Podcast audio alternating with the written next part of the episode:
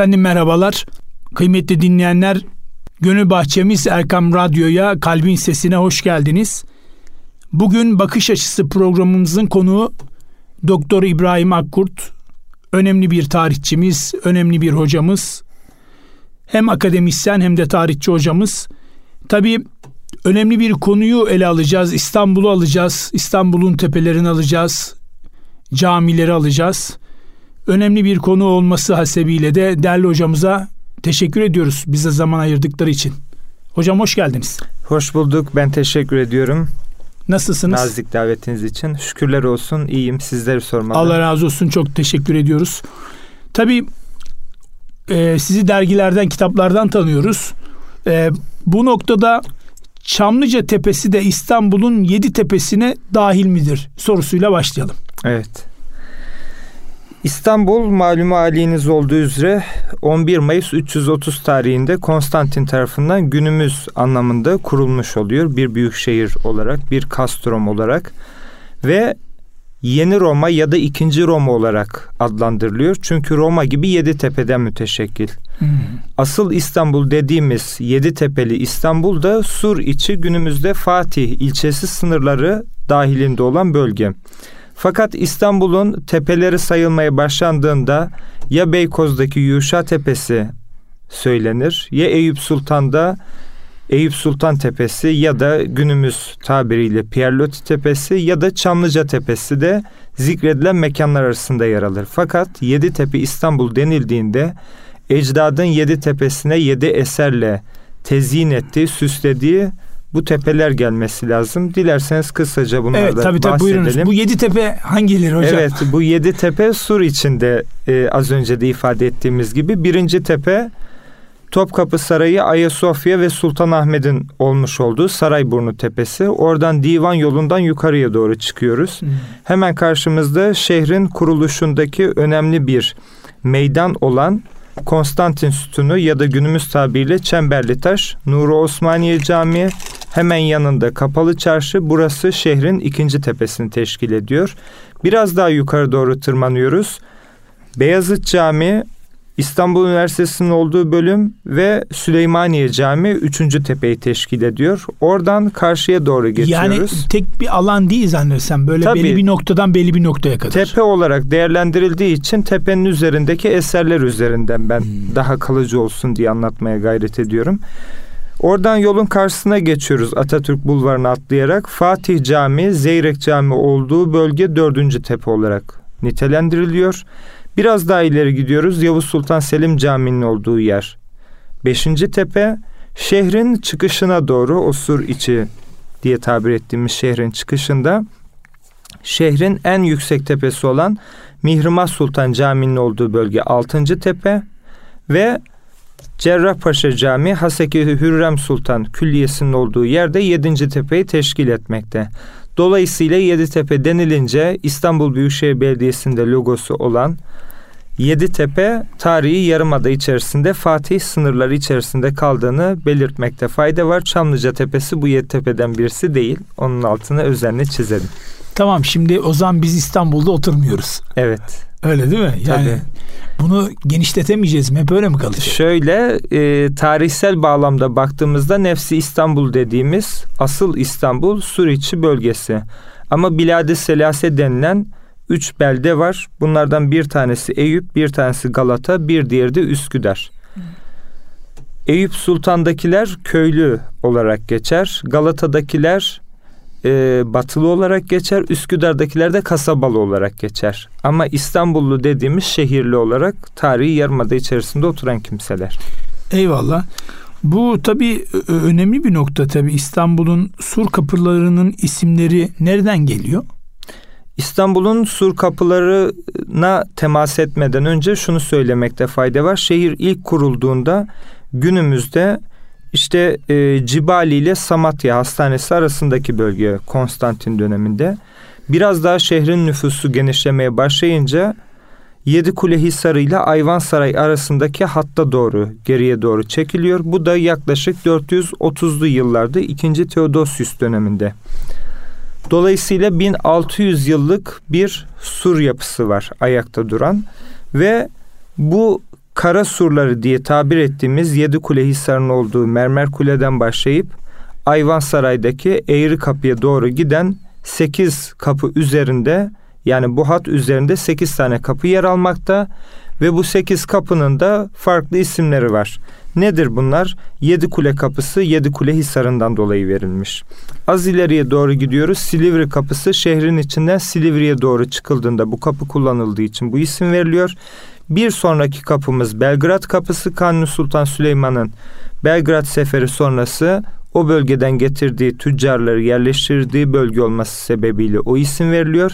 Bir ilerisi günümüzde Zeytinburnu'nda Merkez Efendi Hazretlerinin yanında kalan Yeni Kapı Mevlevi Hanesi'ne doğru çıkış o kapıdan gerçekleştirildiği için Mevlevi Hane Kapısı fakat günümüzde Galata meşhur hale gelmiş Mevlana Kapı olarak geçmekte.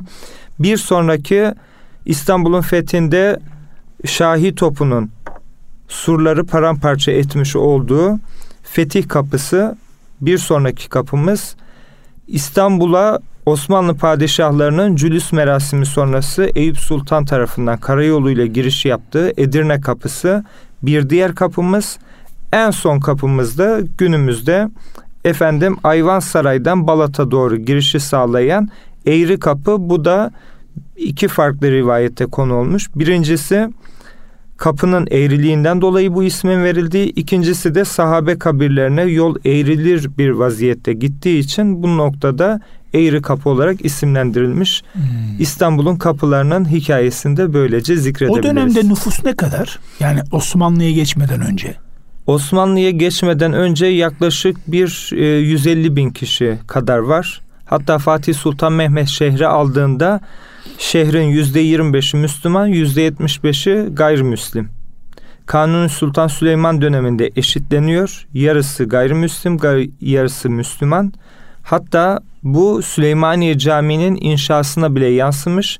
Süleymaniye Camii'nin inşasında çalışan işçilerin yarısı gayrimüslim, yarısı Müslüman. Osmanlı gayrimüslimleri yönetme sanatını çok güzel icra etmiş. Yani o dönemde Müslümanlar orada mevcut. Tabii ki. Ama sayıları tabii ki az. Evet. Hmm. E, pekala Osmanlı'ya geçtikten sonraki süreçte e, görüyoruz ki tarihsel süreçte çok fazla tekkeler var. Biraz da bunlardan bahseder misiniz tekkelerden? Tekkeler e, günümüz anlamında güzel sanatlar mektebi olarak zikredebiliriz. Samiha Ayverdi'nin bu hususta çok güzel bir e, sözü var. Diyor ki tekkeler aynı bahçenin farklı çiçekleridir. Kimisi güldür, kimisi laledir. Ama hepsi insanı güzel bir şekilde olgunlaştırmaya yönelik verilen eğitimlerin yapıldığı mekanlardır. Bunlarla ilgili e, ben bir çalışmada bulunmuştum. İstanbul Tekkeleri Envanter Çalışması.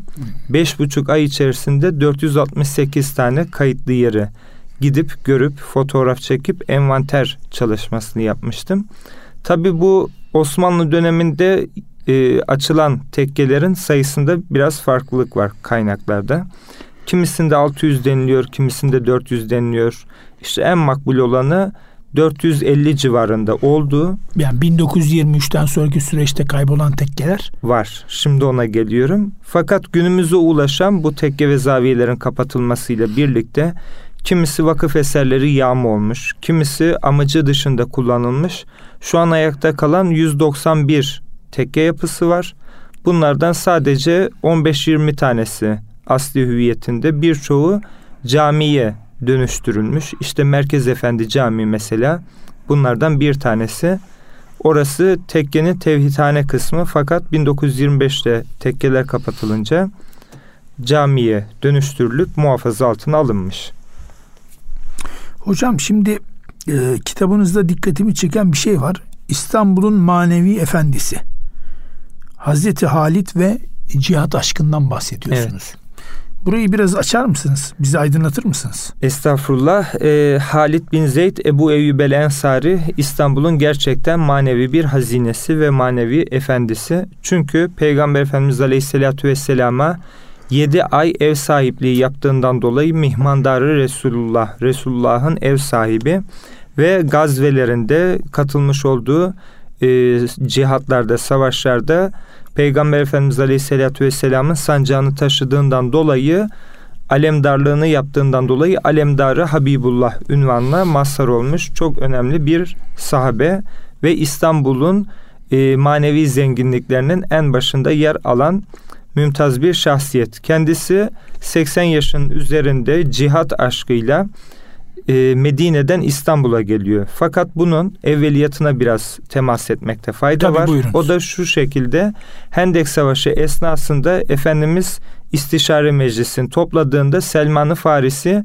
biz ülkemizde eğer şehri ele geçirecekse düşman etrafını hendeklerle kazmak suretiyle koruma altına alırdık.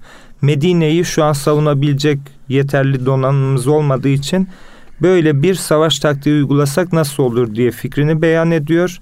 Meşveret Meclisi'nde bu fikir kabul görüyor. Bakın burası da çok önemli. Peygamber Efendimiz ben bu meclisin lideriyim benim dediğim olacak demiyor. İstişare. Tabi ve şavirhum fil emr e, emirlerinizde istişare edin. E, ayet-i kerimesi burada tahakkuk ediyor ve şehrin etrafına hendekler kazılırken büyük bir kaya parçasına denk geliniyor. Bu kaya parçasına bir türlü İslam ordusu parçalayamıyor. Konu Peygamber Efendimiz'e intikal ettiğinde Efendimiz balyozla vurduğunda bir rivayete göre üç, bir rivayete göre beş parçaya ayrılıyor. Fakat burada İstanbul'un fethiyle ilgili müjde çok önemli bizler için. Letüftahanel Konstantiniye. Konstantiniye mutlaka fethedilecektir. Feleniyemel emiru emiruha. Onu fetheden kumandan ne güzel kumandandır.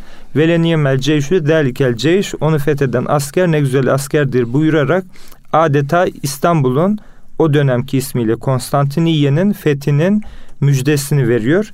Ve bu uğurda 14 farklı e, İslam ordusu İstanbul'u kuşatıyor. Fakat almak Fatih Sultan Mehmet nasip oluyor. İlk kuşatanlardan birisi de Halid bin Zeyd Ebu Eyyub el Ensari'nin katılmış olduğu e, hicretin 39. yılındaki kuşatma. Buraya Halid bin Zeyd Ebu Eyyub el Ensari 80 yaşının üzerinde katılmak istiyor. Fakat bir türlü vazgeçiremiyorlar. Sen bize Peygamber Efendimizin emanetisin. Sana bir şey olursa bizler çok üzülürüz. Vücudun kaldırmayabilir vesaire bahaneler söyledikten sonra bakıyorlar ki bir türlü ikna olmuyor. En son kumandan diyorlar ki sen bir şeyler söyle. O da diyor ki ayet-i kerime var.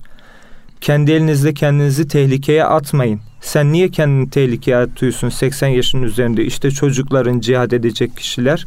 Ve bunun üzerine Halid bin Zeyd Ebu Eyyub el Ensari o komutana unutamayacağı bir ders veriyor. Diyor ki o ayet nazil olduğunda Tebuk Savaşı hazırlıkları yapılıyordu. Ve Müslümanların bir kısmı hava çok sıcak biraz şöyle sonbahara doğru yapsak cihadı. İşte biz hurma ağaçlarına e, hurma satarak ticaret yaparak geçimimizi sağlıyoruz. Biraz bari ağaçların havalandıralım altlarını dallarını seyreltelim dediğinde bir ayet nazil oluyor. Ey Müslümanlar hurma ağaçlarının altını seyrelteceğiz, dallarını havalandıracağız demek suretiyle dünyalık işlere dalarak cihattan geri durup kendinizi tehlikeye atmayın. Dolayısıyla ben de cihattan geri durup kendimi tehlikeye atamam diyor ve 80 yaşının üzerinde İstanbul'a gelip İstanbul'da Peygamber Efendimiz'i 7 ay ev sahipliği yapan bir şahsiyete bizler Türk milleti olarak 14 asırdır hatta İstanbul'un fethinden bu yana 7 asırdır ev sahipliği yapma şerefine nail olduğumuz için Halid bin Zeyd Ebu Ayyub el Ensari'yi İstanbul'un manevi efendisi olarak görmekteyiz. Eyvallah Allah razı olsun. Tabi e, kitapta bir başka çekilen nokta da şu Pierre Loti'den önce ne vardı? Evet. Yani burada tabi İdrisi Bitlisi vardı diye yazmışsınız. Bunu biraz açalım mı? Şöyle İstanbul Fatih Sultan Mehmet'in 29 Mayıs 1453 tarihinde Türklerin eline geçmesiyle adeta İslami mimarinin hakim olduğu ve İslami e, yapının hakim olduğu bir şehir haline gelmiştir.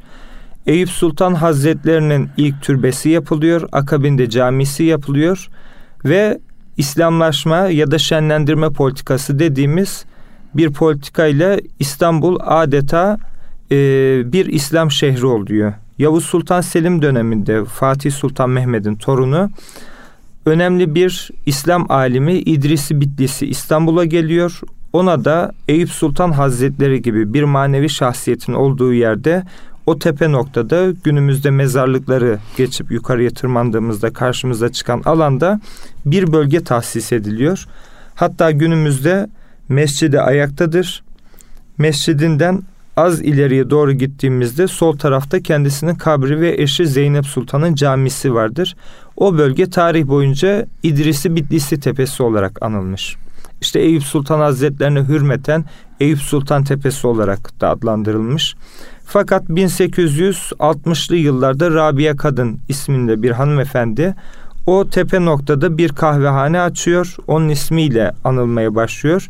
Fakat e, İttihat ve Terakki döneminde Türklerle ilgili olumlu yazılar yazdığı için Fransız subayı Pierre Loti isimli bir şahsiyetin ismi bölgeye veriliyor. Fakat zaman içerisinde anlaşılıyor ki bu Pierre Loti masumane bir şekilde o bölgede takılmıyor. Fransız ordusunun casusu o bölgede casusluk faaliyetleri yapıyor. Halil İnalcık tarihçilerin kutbu olarak adlandırılır. Diyor ki dünyanın hiçbir yerinde böyle bilinçsizlik olmaz. Eyüp Sultan gibi manevi bir beldenin tepe noktasına casusluk faaliyetleri yapan Pierre Loti'nin isminin verilmesi adeta bir bilinçsizlik ve şuursuzluktur. Derhal bu yanlıştan geri dönülmelidir diyor. Fakat maalesef e, aynı isim günümüzde de biliniyor. Bizim gönlümüzde yeri farklı, gerçekteki yeri farklı diyelim. Şimdi tabii dinleyicilerimiz merak ediyordur. Yani kitabın ismi nedir hocam bir söyleyin diyecekler mutlaka.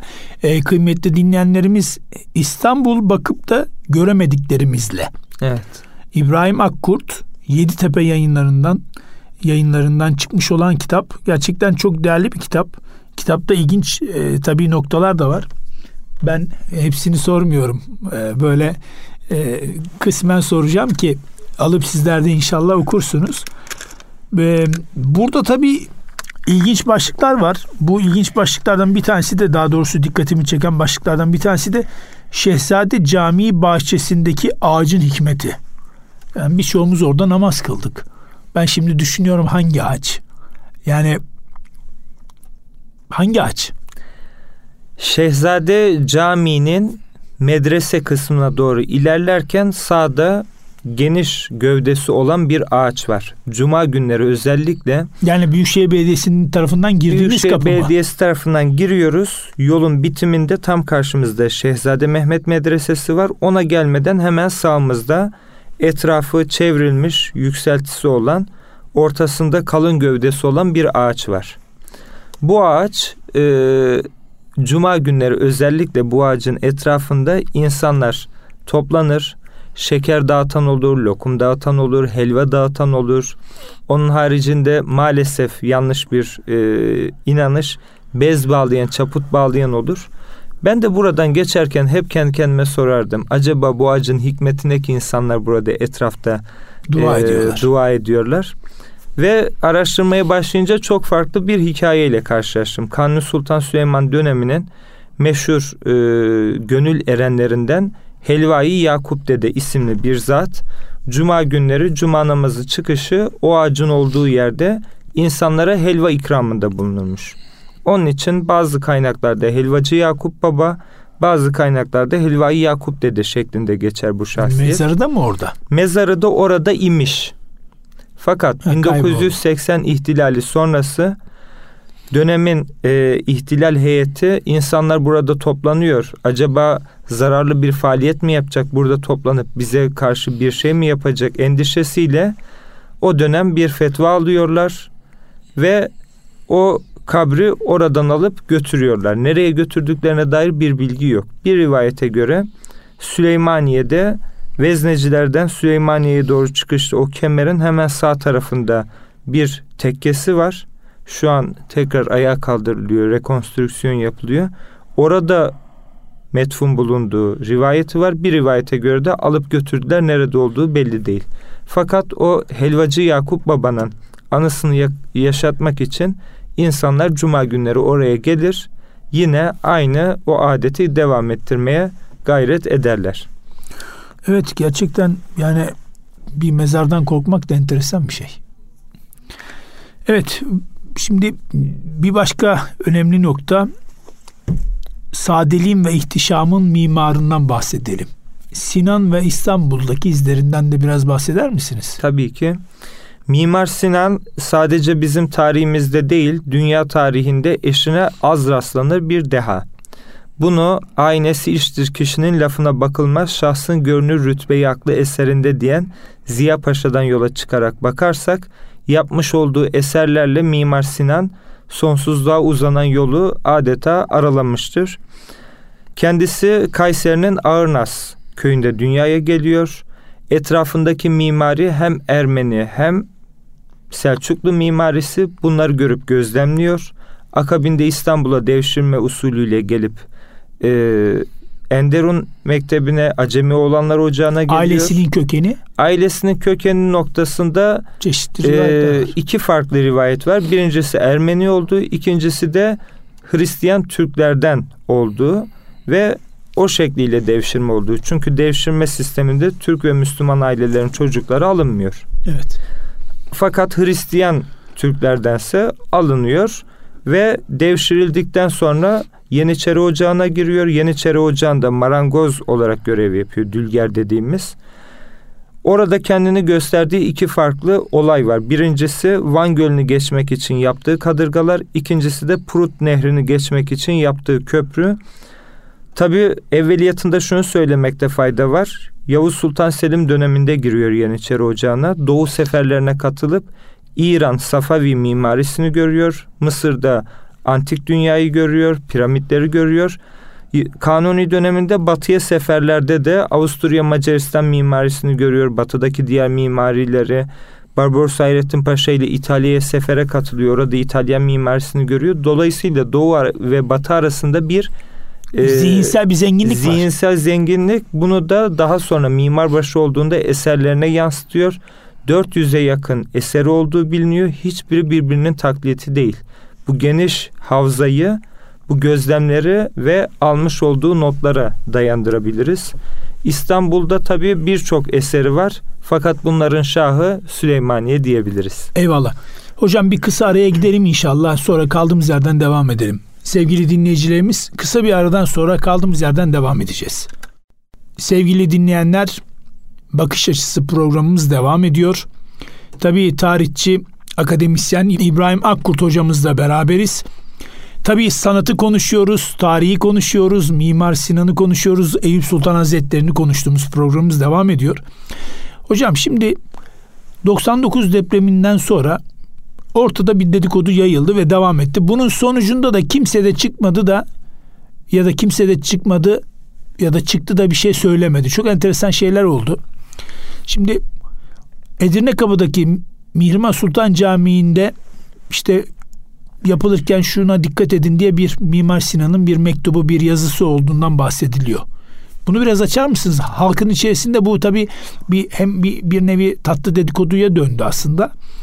Ama insanlar da biraz da herhalde tarihsel süreçte bir mutluluk mu aradı? Ne oldu? Çok teşekkür ediyorum bu soruyu sorduğunuz için. Çünkü efsaneler adeta gerçek tarihin önüne geçiyor. Burada e, bu hususla ilgili aydınlatabileceğimiz ya da bilgimiz dahilinde söyleyebileceğimiz bir konuya temas edelim. Şöyle ki 99 depremi sonrasında Edirne Kapı'daki Mihrimah Sultan Camii'nin kubbesi bir türlü eski haline getirilemiyor. Çünkü büyük hasar görüyor 7.4 şiddetindeki depremden.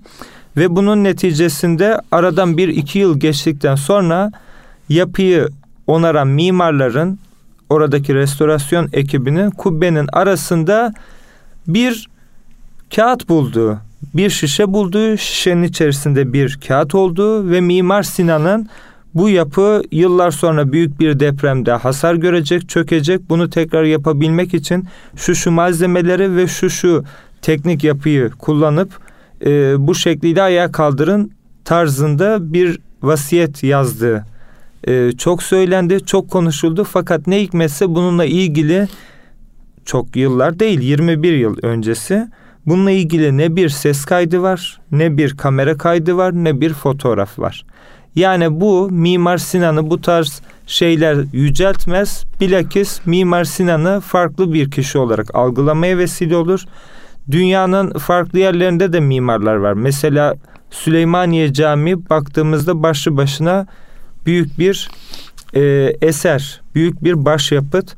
Onun özdeşi olan yapılar Fransa'da Notre Dame Katedrali var. Paris'te 180 yılda yapılmış.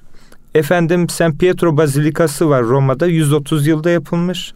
Londra'daki St. Paul Katedrali 100 yılda yapılmış. Bunlar tek bir bina, tek bir yapı. Ne, Fakat, neden bu kadar uzun sürmüş? İşte bir türlü o ihtişamı yakalayamamışlar. Yani birden çok mimar değişmiş. İşte bu e, Notre Dame Katedrali'nde 8 tane çıktı. mimar değişmiş ve yangın çıktı. Az önce de siz ifade ettiniz. Burada Mimar Sinan tek başına bir mimar 15 unsurdan oluşan Süleymaniye Külliyesi'ni 7 yıl gibi kısa bir sürede yapıyor. Bu bile tek başına yeter. Mağlova kemeri su mimarisinin, su mühendisliğinin adeta bir harikası. Diğer eserler bunlar konuşulmayıp Mimar Sinan'la ilgili bir efsane ortaya atıp onun üzerinden gitmek herhalde çok akıl ve mantık kârı olmasa gerek. Seviyoruz hocam herhalde. Evet. Böyle bir durumda söz konusu maalesef. Şimdi İstanbul'un ilk Sultan Camisi hangisidir? İstanbul'un ilk camisi denilince Anadolu Hisarı'nın içerisindeki Fetih Mescidi geliyor. Sonrasında İstanbul'un fethi esnasında yapılan küçük camiler geliyor. Fakat Sultan Camisi ya da Sultanlar Camisi anlamına gelen Selahattin camiler dediğimizde ilk padişah Fatih Sultan Mehmet olduğu için onun yaptırdığı cami gelmesi lazım. Eyüp Sultan Hazretlerine yaptırmış olduğu cami farklıdır fakat kendi adına yaptırdığı Fatih, Fatih Sultan Mehmet Camii, Fatih Camii orası İstanbul'un ilk Selahattin Camisi'dir ve eski Bizans kilisesinin olduğu arazi üzerine orayı inşa etmiştir. Merhum Semaveyici Hoca bu hususu şöyle zikreder. Der ki eski inancın üzerine yeni inancın galip geldiğinin sembolüdür Fatih Camii. Çünkü eski yapının üzerine, kilise yapısının üzerine cami yapılarak dünyaya bu mesajı vermiştir. Fatih Camii Fatih Sultan Mehmet'in yaptırdığı cami değildir. 1766 yılında 3. Mustafa devrinde evet. bir depremle e, adeta temellerine kadar yıkılır, biraz daha genişletilir. 1771 yılında 5 yılda tamamlanır. 1771 yılında hizmete açılır, ibadete açılır. 2021 yılındayız. Yani şu an kullanmış olduğumuz ibadet için Fatih Camii 3. Mustafa'nın yaptırdığı cami. Ya daha önce Fatih Sultan Mehmet Han Hazretleri'nin yaptırdığı cami orada yıkılmış. Yıkılmış. Ve arkasından tekrar bir sonraki padişah onun adına evet, dedesinin Mustafa, adına tekrar yapmış. Tabii. Ve 3. Mustafa'nın yaptırdığı camide daha çok barok mimarinin olduğunu görmekteyiz. Fakat Fatih Camii bizler için çok farklı bir konumdadır. Çünkü e, Birinci Dünya Savaşı'na girmemizdeki hal fetvası bile orada okunmuştur. İstanbul'un merkezini teşkil etmekte şu an bile protokolde bir numaralı camidir. Büyüklerimiz vefat ettiğinde toplumun önde gelen şahsiyetleri dikkat ederseniz hep Fatih Camii'de kalkmakta. Çünkü şehrin kurucusu orada bir nevi manen onu selamlayarak son yolculuğuna çıkmaktalar. Camideki tablonun sırrı nedir? Cami içerisinde çok güzel bir soru. Teşekkür ediyorum. Müezzin mahfilinde 2. Abdülhamit Han'ın İslamcılık politikasının tezahürü olan Mimarzade Mehmet e, Arif A tarafından yapılan e, bir tablo var. Tablo gerçekten bir sanat harikası. Üzerinde Kabe, Medine-i Münevvere, Mescid-i Aksa bir hat kuşağı üzerinde yer alıyor ve bir tarafında tren yolu, Hicaz Demir Yolu, diğer tarafında Ayasofya Topkapı Sarayı, Yıldız Hamidiye Camii'nin bahçesi ve üzerinde bir rahle, rahlenin üzerinde güvercin Kur'an-ı Kerim'le birlikte en üst tarafında da Allahu latifun bil ibad. Allah e, kullarına karşı pek lütufkardır ayet-i kerimesi dünya ve ay sistemi gezegen tabloya nakşedilmiş. Burada şu mesaj verildi. Orijinal tablo mu yoksa Orijinal saklanıyor mu tablo orijinali? yağlı boya. Orada. Orada ama şöyle bir e, olay var. Tablo Abdülhamit Han'ın İslamcılık politikasını yansıtıyor. Bu da nedir? Mekke, Medine ve Mescid-i Aksa bizim dünyamızın merkezinde. İstanbul, Topkapı Sarayı, Ayasofya ve e, Sultan Ahmet hilafetin merkezi. Çünkü Peygamber Efendimiz'e ait hırkalar İstanbul'da. Bundan dolayı hilafetin merkezi Yıldız Hamidiye Camii e, halifenin camisi. Kur'an-ı Kerim ve üzerindeki güvercinde barışın, huzurun sembolü. Burada e, şunu ifade etmekte fayda var. Bu tablo 1906-1907 yıllarında yapılıyor. Şeyhülislam Mustafa Sabri Efendi'nin damadı tarafından ona hediye ediliyor. Fakat e, yurt dışına çıkmak mecburiyetinde kalınca evi yağmalanıyor. 1950'li yıllarda bir hanımefendi bu tablonun sahibi eskiciye satarken Mehmet Emin Saraç Hoca Efendi merhum görüyor diyor ki kızım bu tabloyu e, ben Mustafa Sabri Efendi'nin evinde olduğunu bir kaynakta okumuştum. Sizden istirhamın parası neyse verelim bunu Fatih Camii'ye armağan edin. Fatih Camii'de asılsın. Fatih Camii'de 1950 yılından beri durmakta. Hatta bir 10 yıl öncesinde de dokusuna zarar geldiği için Hollanda'ya gönderildi. 3 yıllık bir restorasyon, konservasyon sürecinden geçirildi. Şu an o sanat eseri Fatih Camii adeta süslüyor. Sabri Efendi'nin evindeki Mustafa Sabri Efendi'nin evindeki. İşte o yağmalanıyor. Evet. Farklı kişilerin eline geçiyor. Sonra da ve Fatih Camii'ye geliyor günümüzde. Şimdi İstanbul'un en kıymetli hazinesi olarak Ayasofya ve içindeki sembollerden biraz bahsedelim hocam. Evet, Ayasofya ilk yapıldığında 360 tarihini gösteriyordu tarihler. Şehrin kurucusu Konstantin'in oğlu Konstantinus tarafından yapılıyor. 404 yılında bir isyan çıkıyor çünkü dönemin imparatoru 2. Theodosius'un eşi Evdoksiya girişe cami e, kilisenin girişine Ayasofya malumunuz kilise olarak yapılıyor. Kilisenin girişine kendi heykelini yapıyor. Fakat vücut hatları belli olacak şekilde. Aynı zamanda Ayasofya patriklik makamı. Patrik buna itiraz ediyor. Dinen bu şekilde uygun olmaz. Ve Patriği sürgüne yolluyorlar. Bu sefer halk isyan ediyor. Ayasofya'yı ateşe veriyor, yıkıyor. İkinci Ayasofya yapılıyor 415 yılında. Bu da 532 yılındaki Nika ayaklanması isyanın neticesinde bir tepki oluyor imparatora ve eşi Teodora'ya. Bu kilise yapısı da yıkılıyor. Günümüzdeki Ayasofya'da 537 yılında. Üçüncü 500, kez. Tabii üçüncü kez 532 yılında ikinci Ayasofya yıkılıyor, yenisi yapılıyor. 5 yıl 10 ay gibi kısa bir sürede bu ihtişamlı yapı ayağa kaldırılıyor ve Justinianus yapının banisi yaptıranı içeri girdiğinde ey Süleyman seni geçtim diyor. Çünkü Süleyman mabedinden daha ihtişamlı olduğunu söylüyor. 1204 yılında Latinler İstanbul'u istila ettiğinde, işgal ettiğinde Ayasofya'yı bütün zenginliklerini e, almak ve Avrupa'ya götürmek suretiyle adeta mahzun bir yapı haline getiriyor. Fatih Sultan Mehmet 1453'te İstanbul'u fethettiğinde şehrin en büyük ulu camisi Ayasofya'yı yapıyor. Hem Topkapı Sarayı'nın yanında hem e, bin küsür yıllık bir yapı onu şehrin merkez camisi yapıyor ve içinde de birçok e, ayrıntıyı gizliyor. Hem 1848 yılında e, Fossati biraderlerin yapmış olduğu restorasyonla ortaya çıkan masonik ya da ezoterik diye tabir edebileceğimiz semboller var. Fakat Ayasofya bizler için Cuma camisidir. Şehrin en büyük ulu camisidir. Orada Fatih Sultan Mehmet de hayırla yad etmek lazım. Hiç kompleks yok. İstese Ayasofya Cami değil, Ulu Cami der, devam ederdi. Fakat Ayasofya ismi değişsin değişmesin netice itibariyle burası bizim diyerek aynı isimle devam ettirmiştir. Osmanlı padişahlarının Kadir Gecesi muhakkak ve muhakkak Ayasofya Camii'nde namaz kılması özenle takip edilmiş.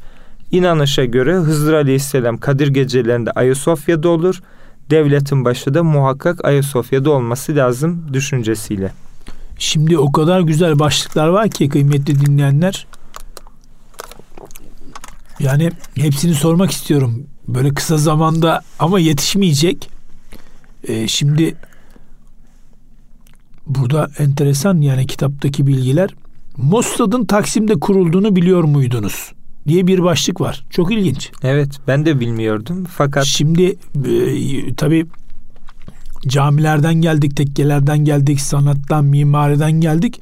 Ama çok ilginç bir noktaya geldik. Şimdi çok güzel de başlıkta var ama az önce hani efsaneleri de konuşuyorduk ya. Şimdi bu bir gerçek tabii. Tabii ee, bu realite efsane e, değil. Nedir bunun hikmeti? Şimdi eh, İsrail 1948 yılında kuruluyor. Hatta 1947'de diyebiliriz. Birleşmiş Milletler'le ikisi hemen hemen aynı zamana denk geliyor. Bunun kuruluşunu hazırlayan etkenler var. 1917 yılında İngilizler bölgeyi işgal ediyor. Tabii onun öncesine de biraz temas edersek 1897 yılında İsviçre'nin Basel şehrinde 2. Abdülhamit aleyhine Filistin'de bir Yahudi devlet kurması kararı alınıyor. İkinci Abdülhamit tahttan indirilecek. Osmanlı parçalanacak. İlk 50 yılda İsrail, ikinci 50 yılda Büyük İsrail Devleti kurulacak düşüncesi var bu kongrede. İlk e, Abdülhamit Han tahttan indiriliyor. İngilizler bölgeyi işgal ediyor. Devletin kurulması 1947 yılına tekabül edecek. Bununla ilgili çalışmaları yürüten kişilerden bir tanesi Rowan Shiloah isimli Mossad'ın kurucusu. Tabii o bölgede rahat hareket etme kabiliyeti yok. İstanbul'da hem doğuyu hem batıyı sentezleyebileceği, her ikisiyle de temas edebileceği bir ortam oluşuyor ve bu işin merkezinde hepimizin merhum istiklal şairimiz Mehmet Akif'in e, vefat ettiği bina olarak bildiğimiz Mısır apartmanını seçiyor. Çünkü Mısır apartmanında kendisine kol kanat gelecek Sami Günzberg isimli meşhur bir dişçi var. Bu kişi de çok enteresan. İkinci Abdülhamit Han'ın, Sultan Vahdettin'in, Atatürk'ün, e, İsmet e, Adnan Menderes'in ve Celal Bayar'ın dişçiliğini yapıyor. Adam tam bir kapalı kutu. Bunun ofisi de o binanın içerisinde. Rovenşiluat da burada hem doğudaki istihbarat birimleriyle hem batıdakilerle orada Ben Gurion İsrail'in kurucusuyla zaman zaman fikri alışverişler yapıyor. Orada temaslarını sağlıyor ve Mossad'ı Mısır apartmanında kuruyor. Yani bugün Mısır apartman deyince aklımıza sadece Mehmet Akif değil, Sami Günzberg gelmeli ki kendisi Abdülhamit Han'ın Musul ve Kerkük bölgesindeki petrollerini çocuklarını kandırmak suretiyle üzerine alıyor. Bugün hala o Sami Günzberg'in ailesi Abdülhamit Han'ın şahsi mülkü olan petrol arazilerini işletip parayı devam ettirip kazanıyor. Dolayısıyla Mossad'ın kurulduğu yer Mısır Apartmanı ve Taksim diyebiliriz. Evet ilginç yani e, devlet daha sonraki süreçte de bu işin üzerine gitmemiş. Biraz o dönemin e, şartlarında müsaade edilmiş. Biraz da tabi İsrail sadece bir İsrail'den ibaret değil. Arkasındaki güçler de bu noktada etkili olmuştur. İnşallah e, geri alırız. Şimdi e, Nazım Hikmet'e şiir yazdıran cami hangisidir? Yani bu yani bu ikisini ben bilmiyordum evet, mesela ama bu, tabii sonra e, kitabı elimize alınca bu benim çok garibime gitti. Çünkü biz e, bir camiyle ilgili şiir dediğimizde Yahya Kemal'in merhumun Süleymaniye'de Bayram Sabah şiiri aklımıza gelir. Ya da Mehmet Akif merhumun Safat isimli kitabındaki Fatih Kürsüsü'ndeki konuşmaları okuruz, e, düşünürüz. Fakat 1920 yılında İstanbul işgal ediliyor. Cadde-i Kebir dediğimiz günümüzde İstiklal Caddesi olarak dediğimiz cadde üzerinde yer alan tek İslam unsuru olan e, Galatasaray Mektebi Sultaniyesi'nin komutanı olan Hüseyin Ağa tarafından yaptırılan Ağa Camii içerisinde bir genç Osmanlı dönemi işgal edilmiş. O caminin içerisinde Cadde-i Kebir'de düşman askerlerinin alayını, geçişini izliyor ve bundan çok ızdırap duyuyor. Bunun üzerine bir şiir yazıyor. Ağa Camii'ye seni işte bu eller mi kirletecekti? İşte e, yakın zamanda kurtulacaksın bu zilletten vesaire. A Cami'ye şiir yazıyor. Kim olabilir? Nazım Hikmet. Yok daha neler diyor insan ama Nazım Hikmet de netice itibariyle efendim Necip Fazıl'la aynı eğitimden geçmiş. Bu sonradan tabii sonradan düşüncelerini değiştirmiş. İşte vatandaşlıktan çıkarılmış vesaire ama genç Dima o kadar güzel bir şiir yazmış ki bu A Cami şiirini özellikle dinleyicilerimizin okumasını istirham ederim. Evet yani çok enteresan bilgiler var. Kitabın ismini e, tekrar söylemek istiyorum kıymetli dinleyenler. Çünkü radyosunu yeni açanlar mutlaka vardır. Yeditepe yayınlarından İstanbul bakıp da göremediklerimizle İbrahim Akkurt hocamızın yazmış olduğu eserlerden bir tanesi. Tabi e, çok önemli konulara değindiniz. Yani burada tabi Şehzade Camii bahçesindeki ağacın hikmeti nedir? Mossad niye Taksim'de kurulmuştur? E, Nazım Hikmet'e şiir yazdıran cami Çamlıca Tepesi de İstanbul'un yedi tepesine dahil midir? Veyahut da buna benzer farklı soruların e, içerisinde bulunduğu bir programı daha maalesef bitiriyoruz. Çünkü zaman çok önemli ve zamanda durdurulamayan bir şey. Değerli hocam çok teşekkür ediyoruz. Ben Bize teşekkür zaman ayırdınız. Ediyorum. Önemli bilgiler, önemli belgeler. Çünkü elimizde. Çok teşekkürler. Ben teşekkür ediyorum. Şunu söylemek isterim. Buyurun. İstanbul bir mekteptir, bir hocadır. Okumasını bilene, talip olana kendisinin sırlarını ifşa ediyor. İstanbul'un taliplisi olmamız lazım. İnşallah. Allah razı olsun. E, tabii İstanbul dünyanın başkenti. Ben bunu nacizane fakat tarihsene sadece İstanbul'da veyahut da Türkiye'de değil dünyanın birçok noktasında gittiğim her yerde söylüyorum. İster istemez e, bir anımız da var hatta. E, Avustralya'da bulunduğum dönem içerisinde işte eğitimimize devam ederken bana sunum yapmamı söylemişlerdi. Tabii çeşitli ülkelerden insanlar var. Latin ülkelerinde var, Müslüman Arap ülkelerinde var. Biz varız. İstanbul'u tabii ki anlatacağız. İstanbul'u anlatıyoruz. En son sunumun belli bir noktasına geldikten sonra dedim ki İngilizce olarak zaten İngilizce anlatıyoruz yani şeyi de. İstanbul dünyanın başkenti. Başka çaresi yok yani. Bunu söyledim. E, yabancı hoca bizim hocamız e, bir hanımefendi dedi ki nereden İstanbul dünyanın başkenti?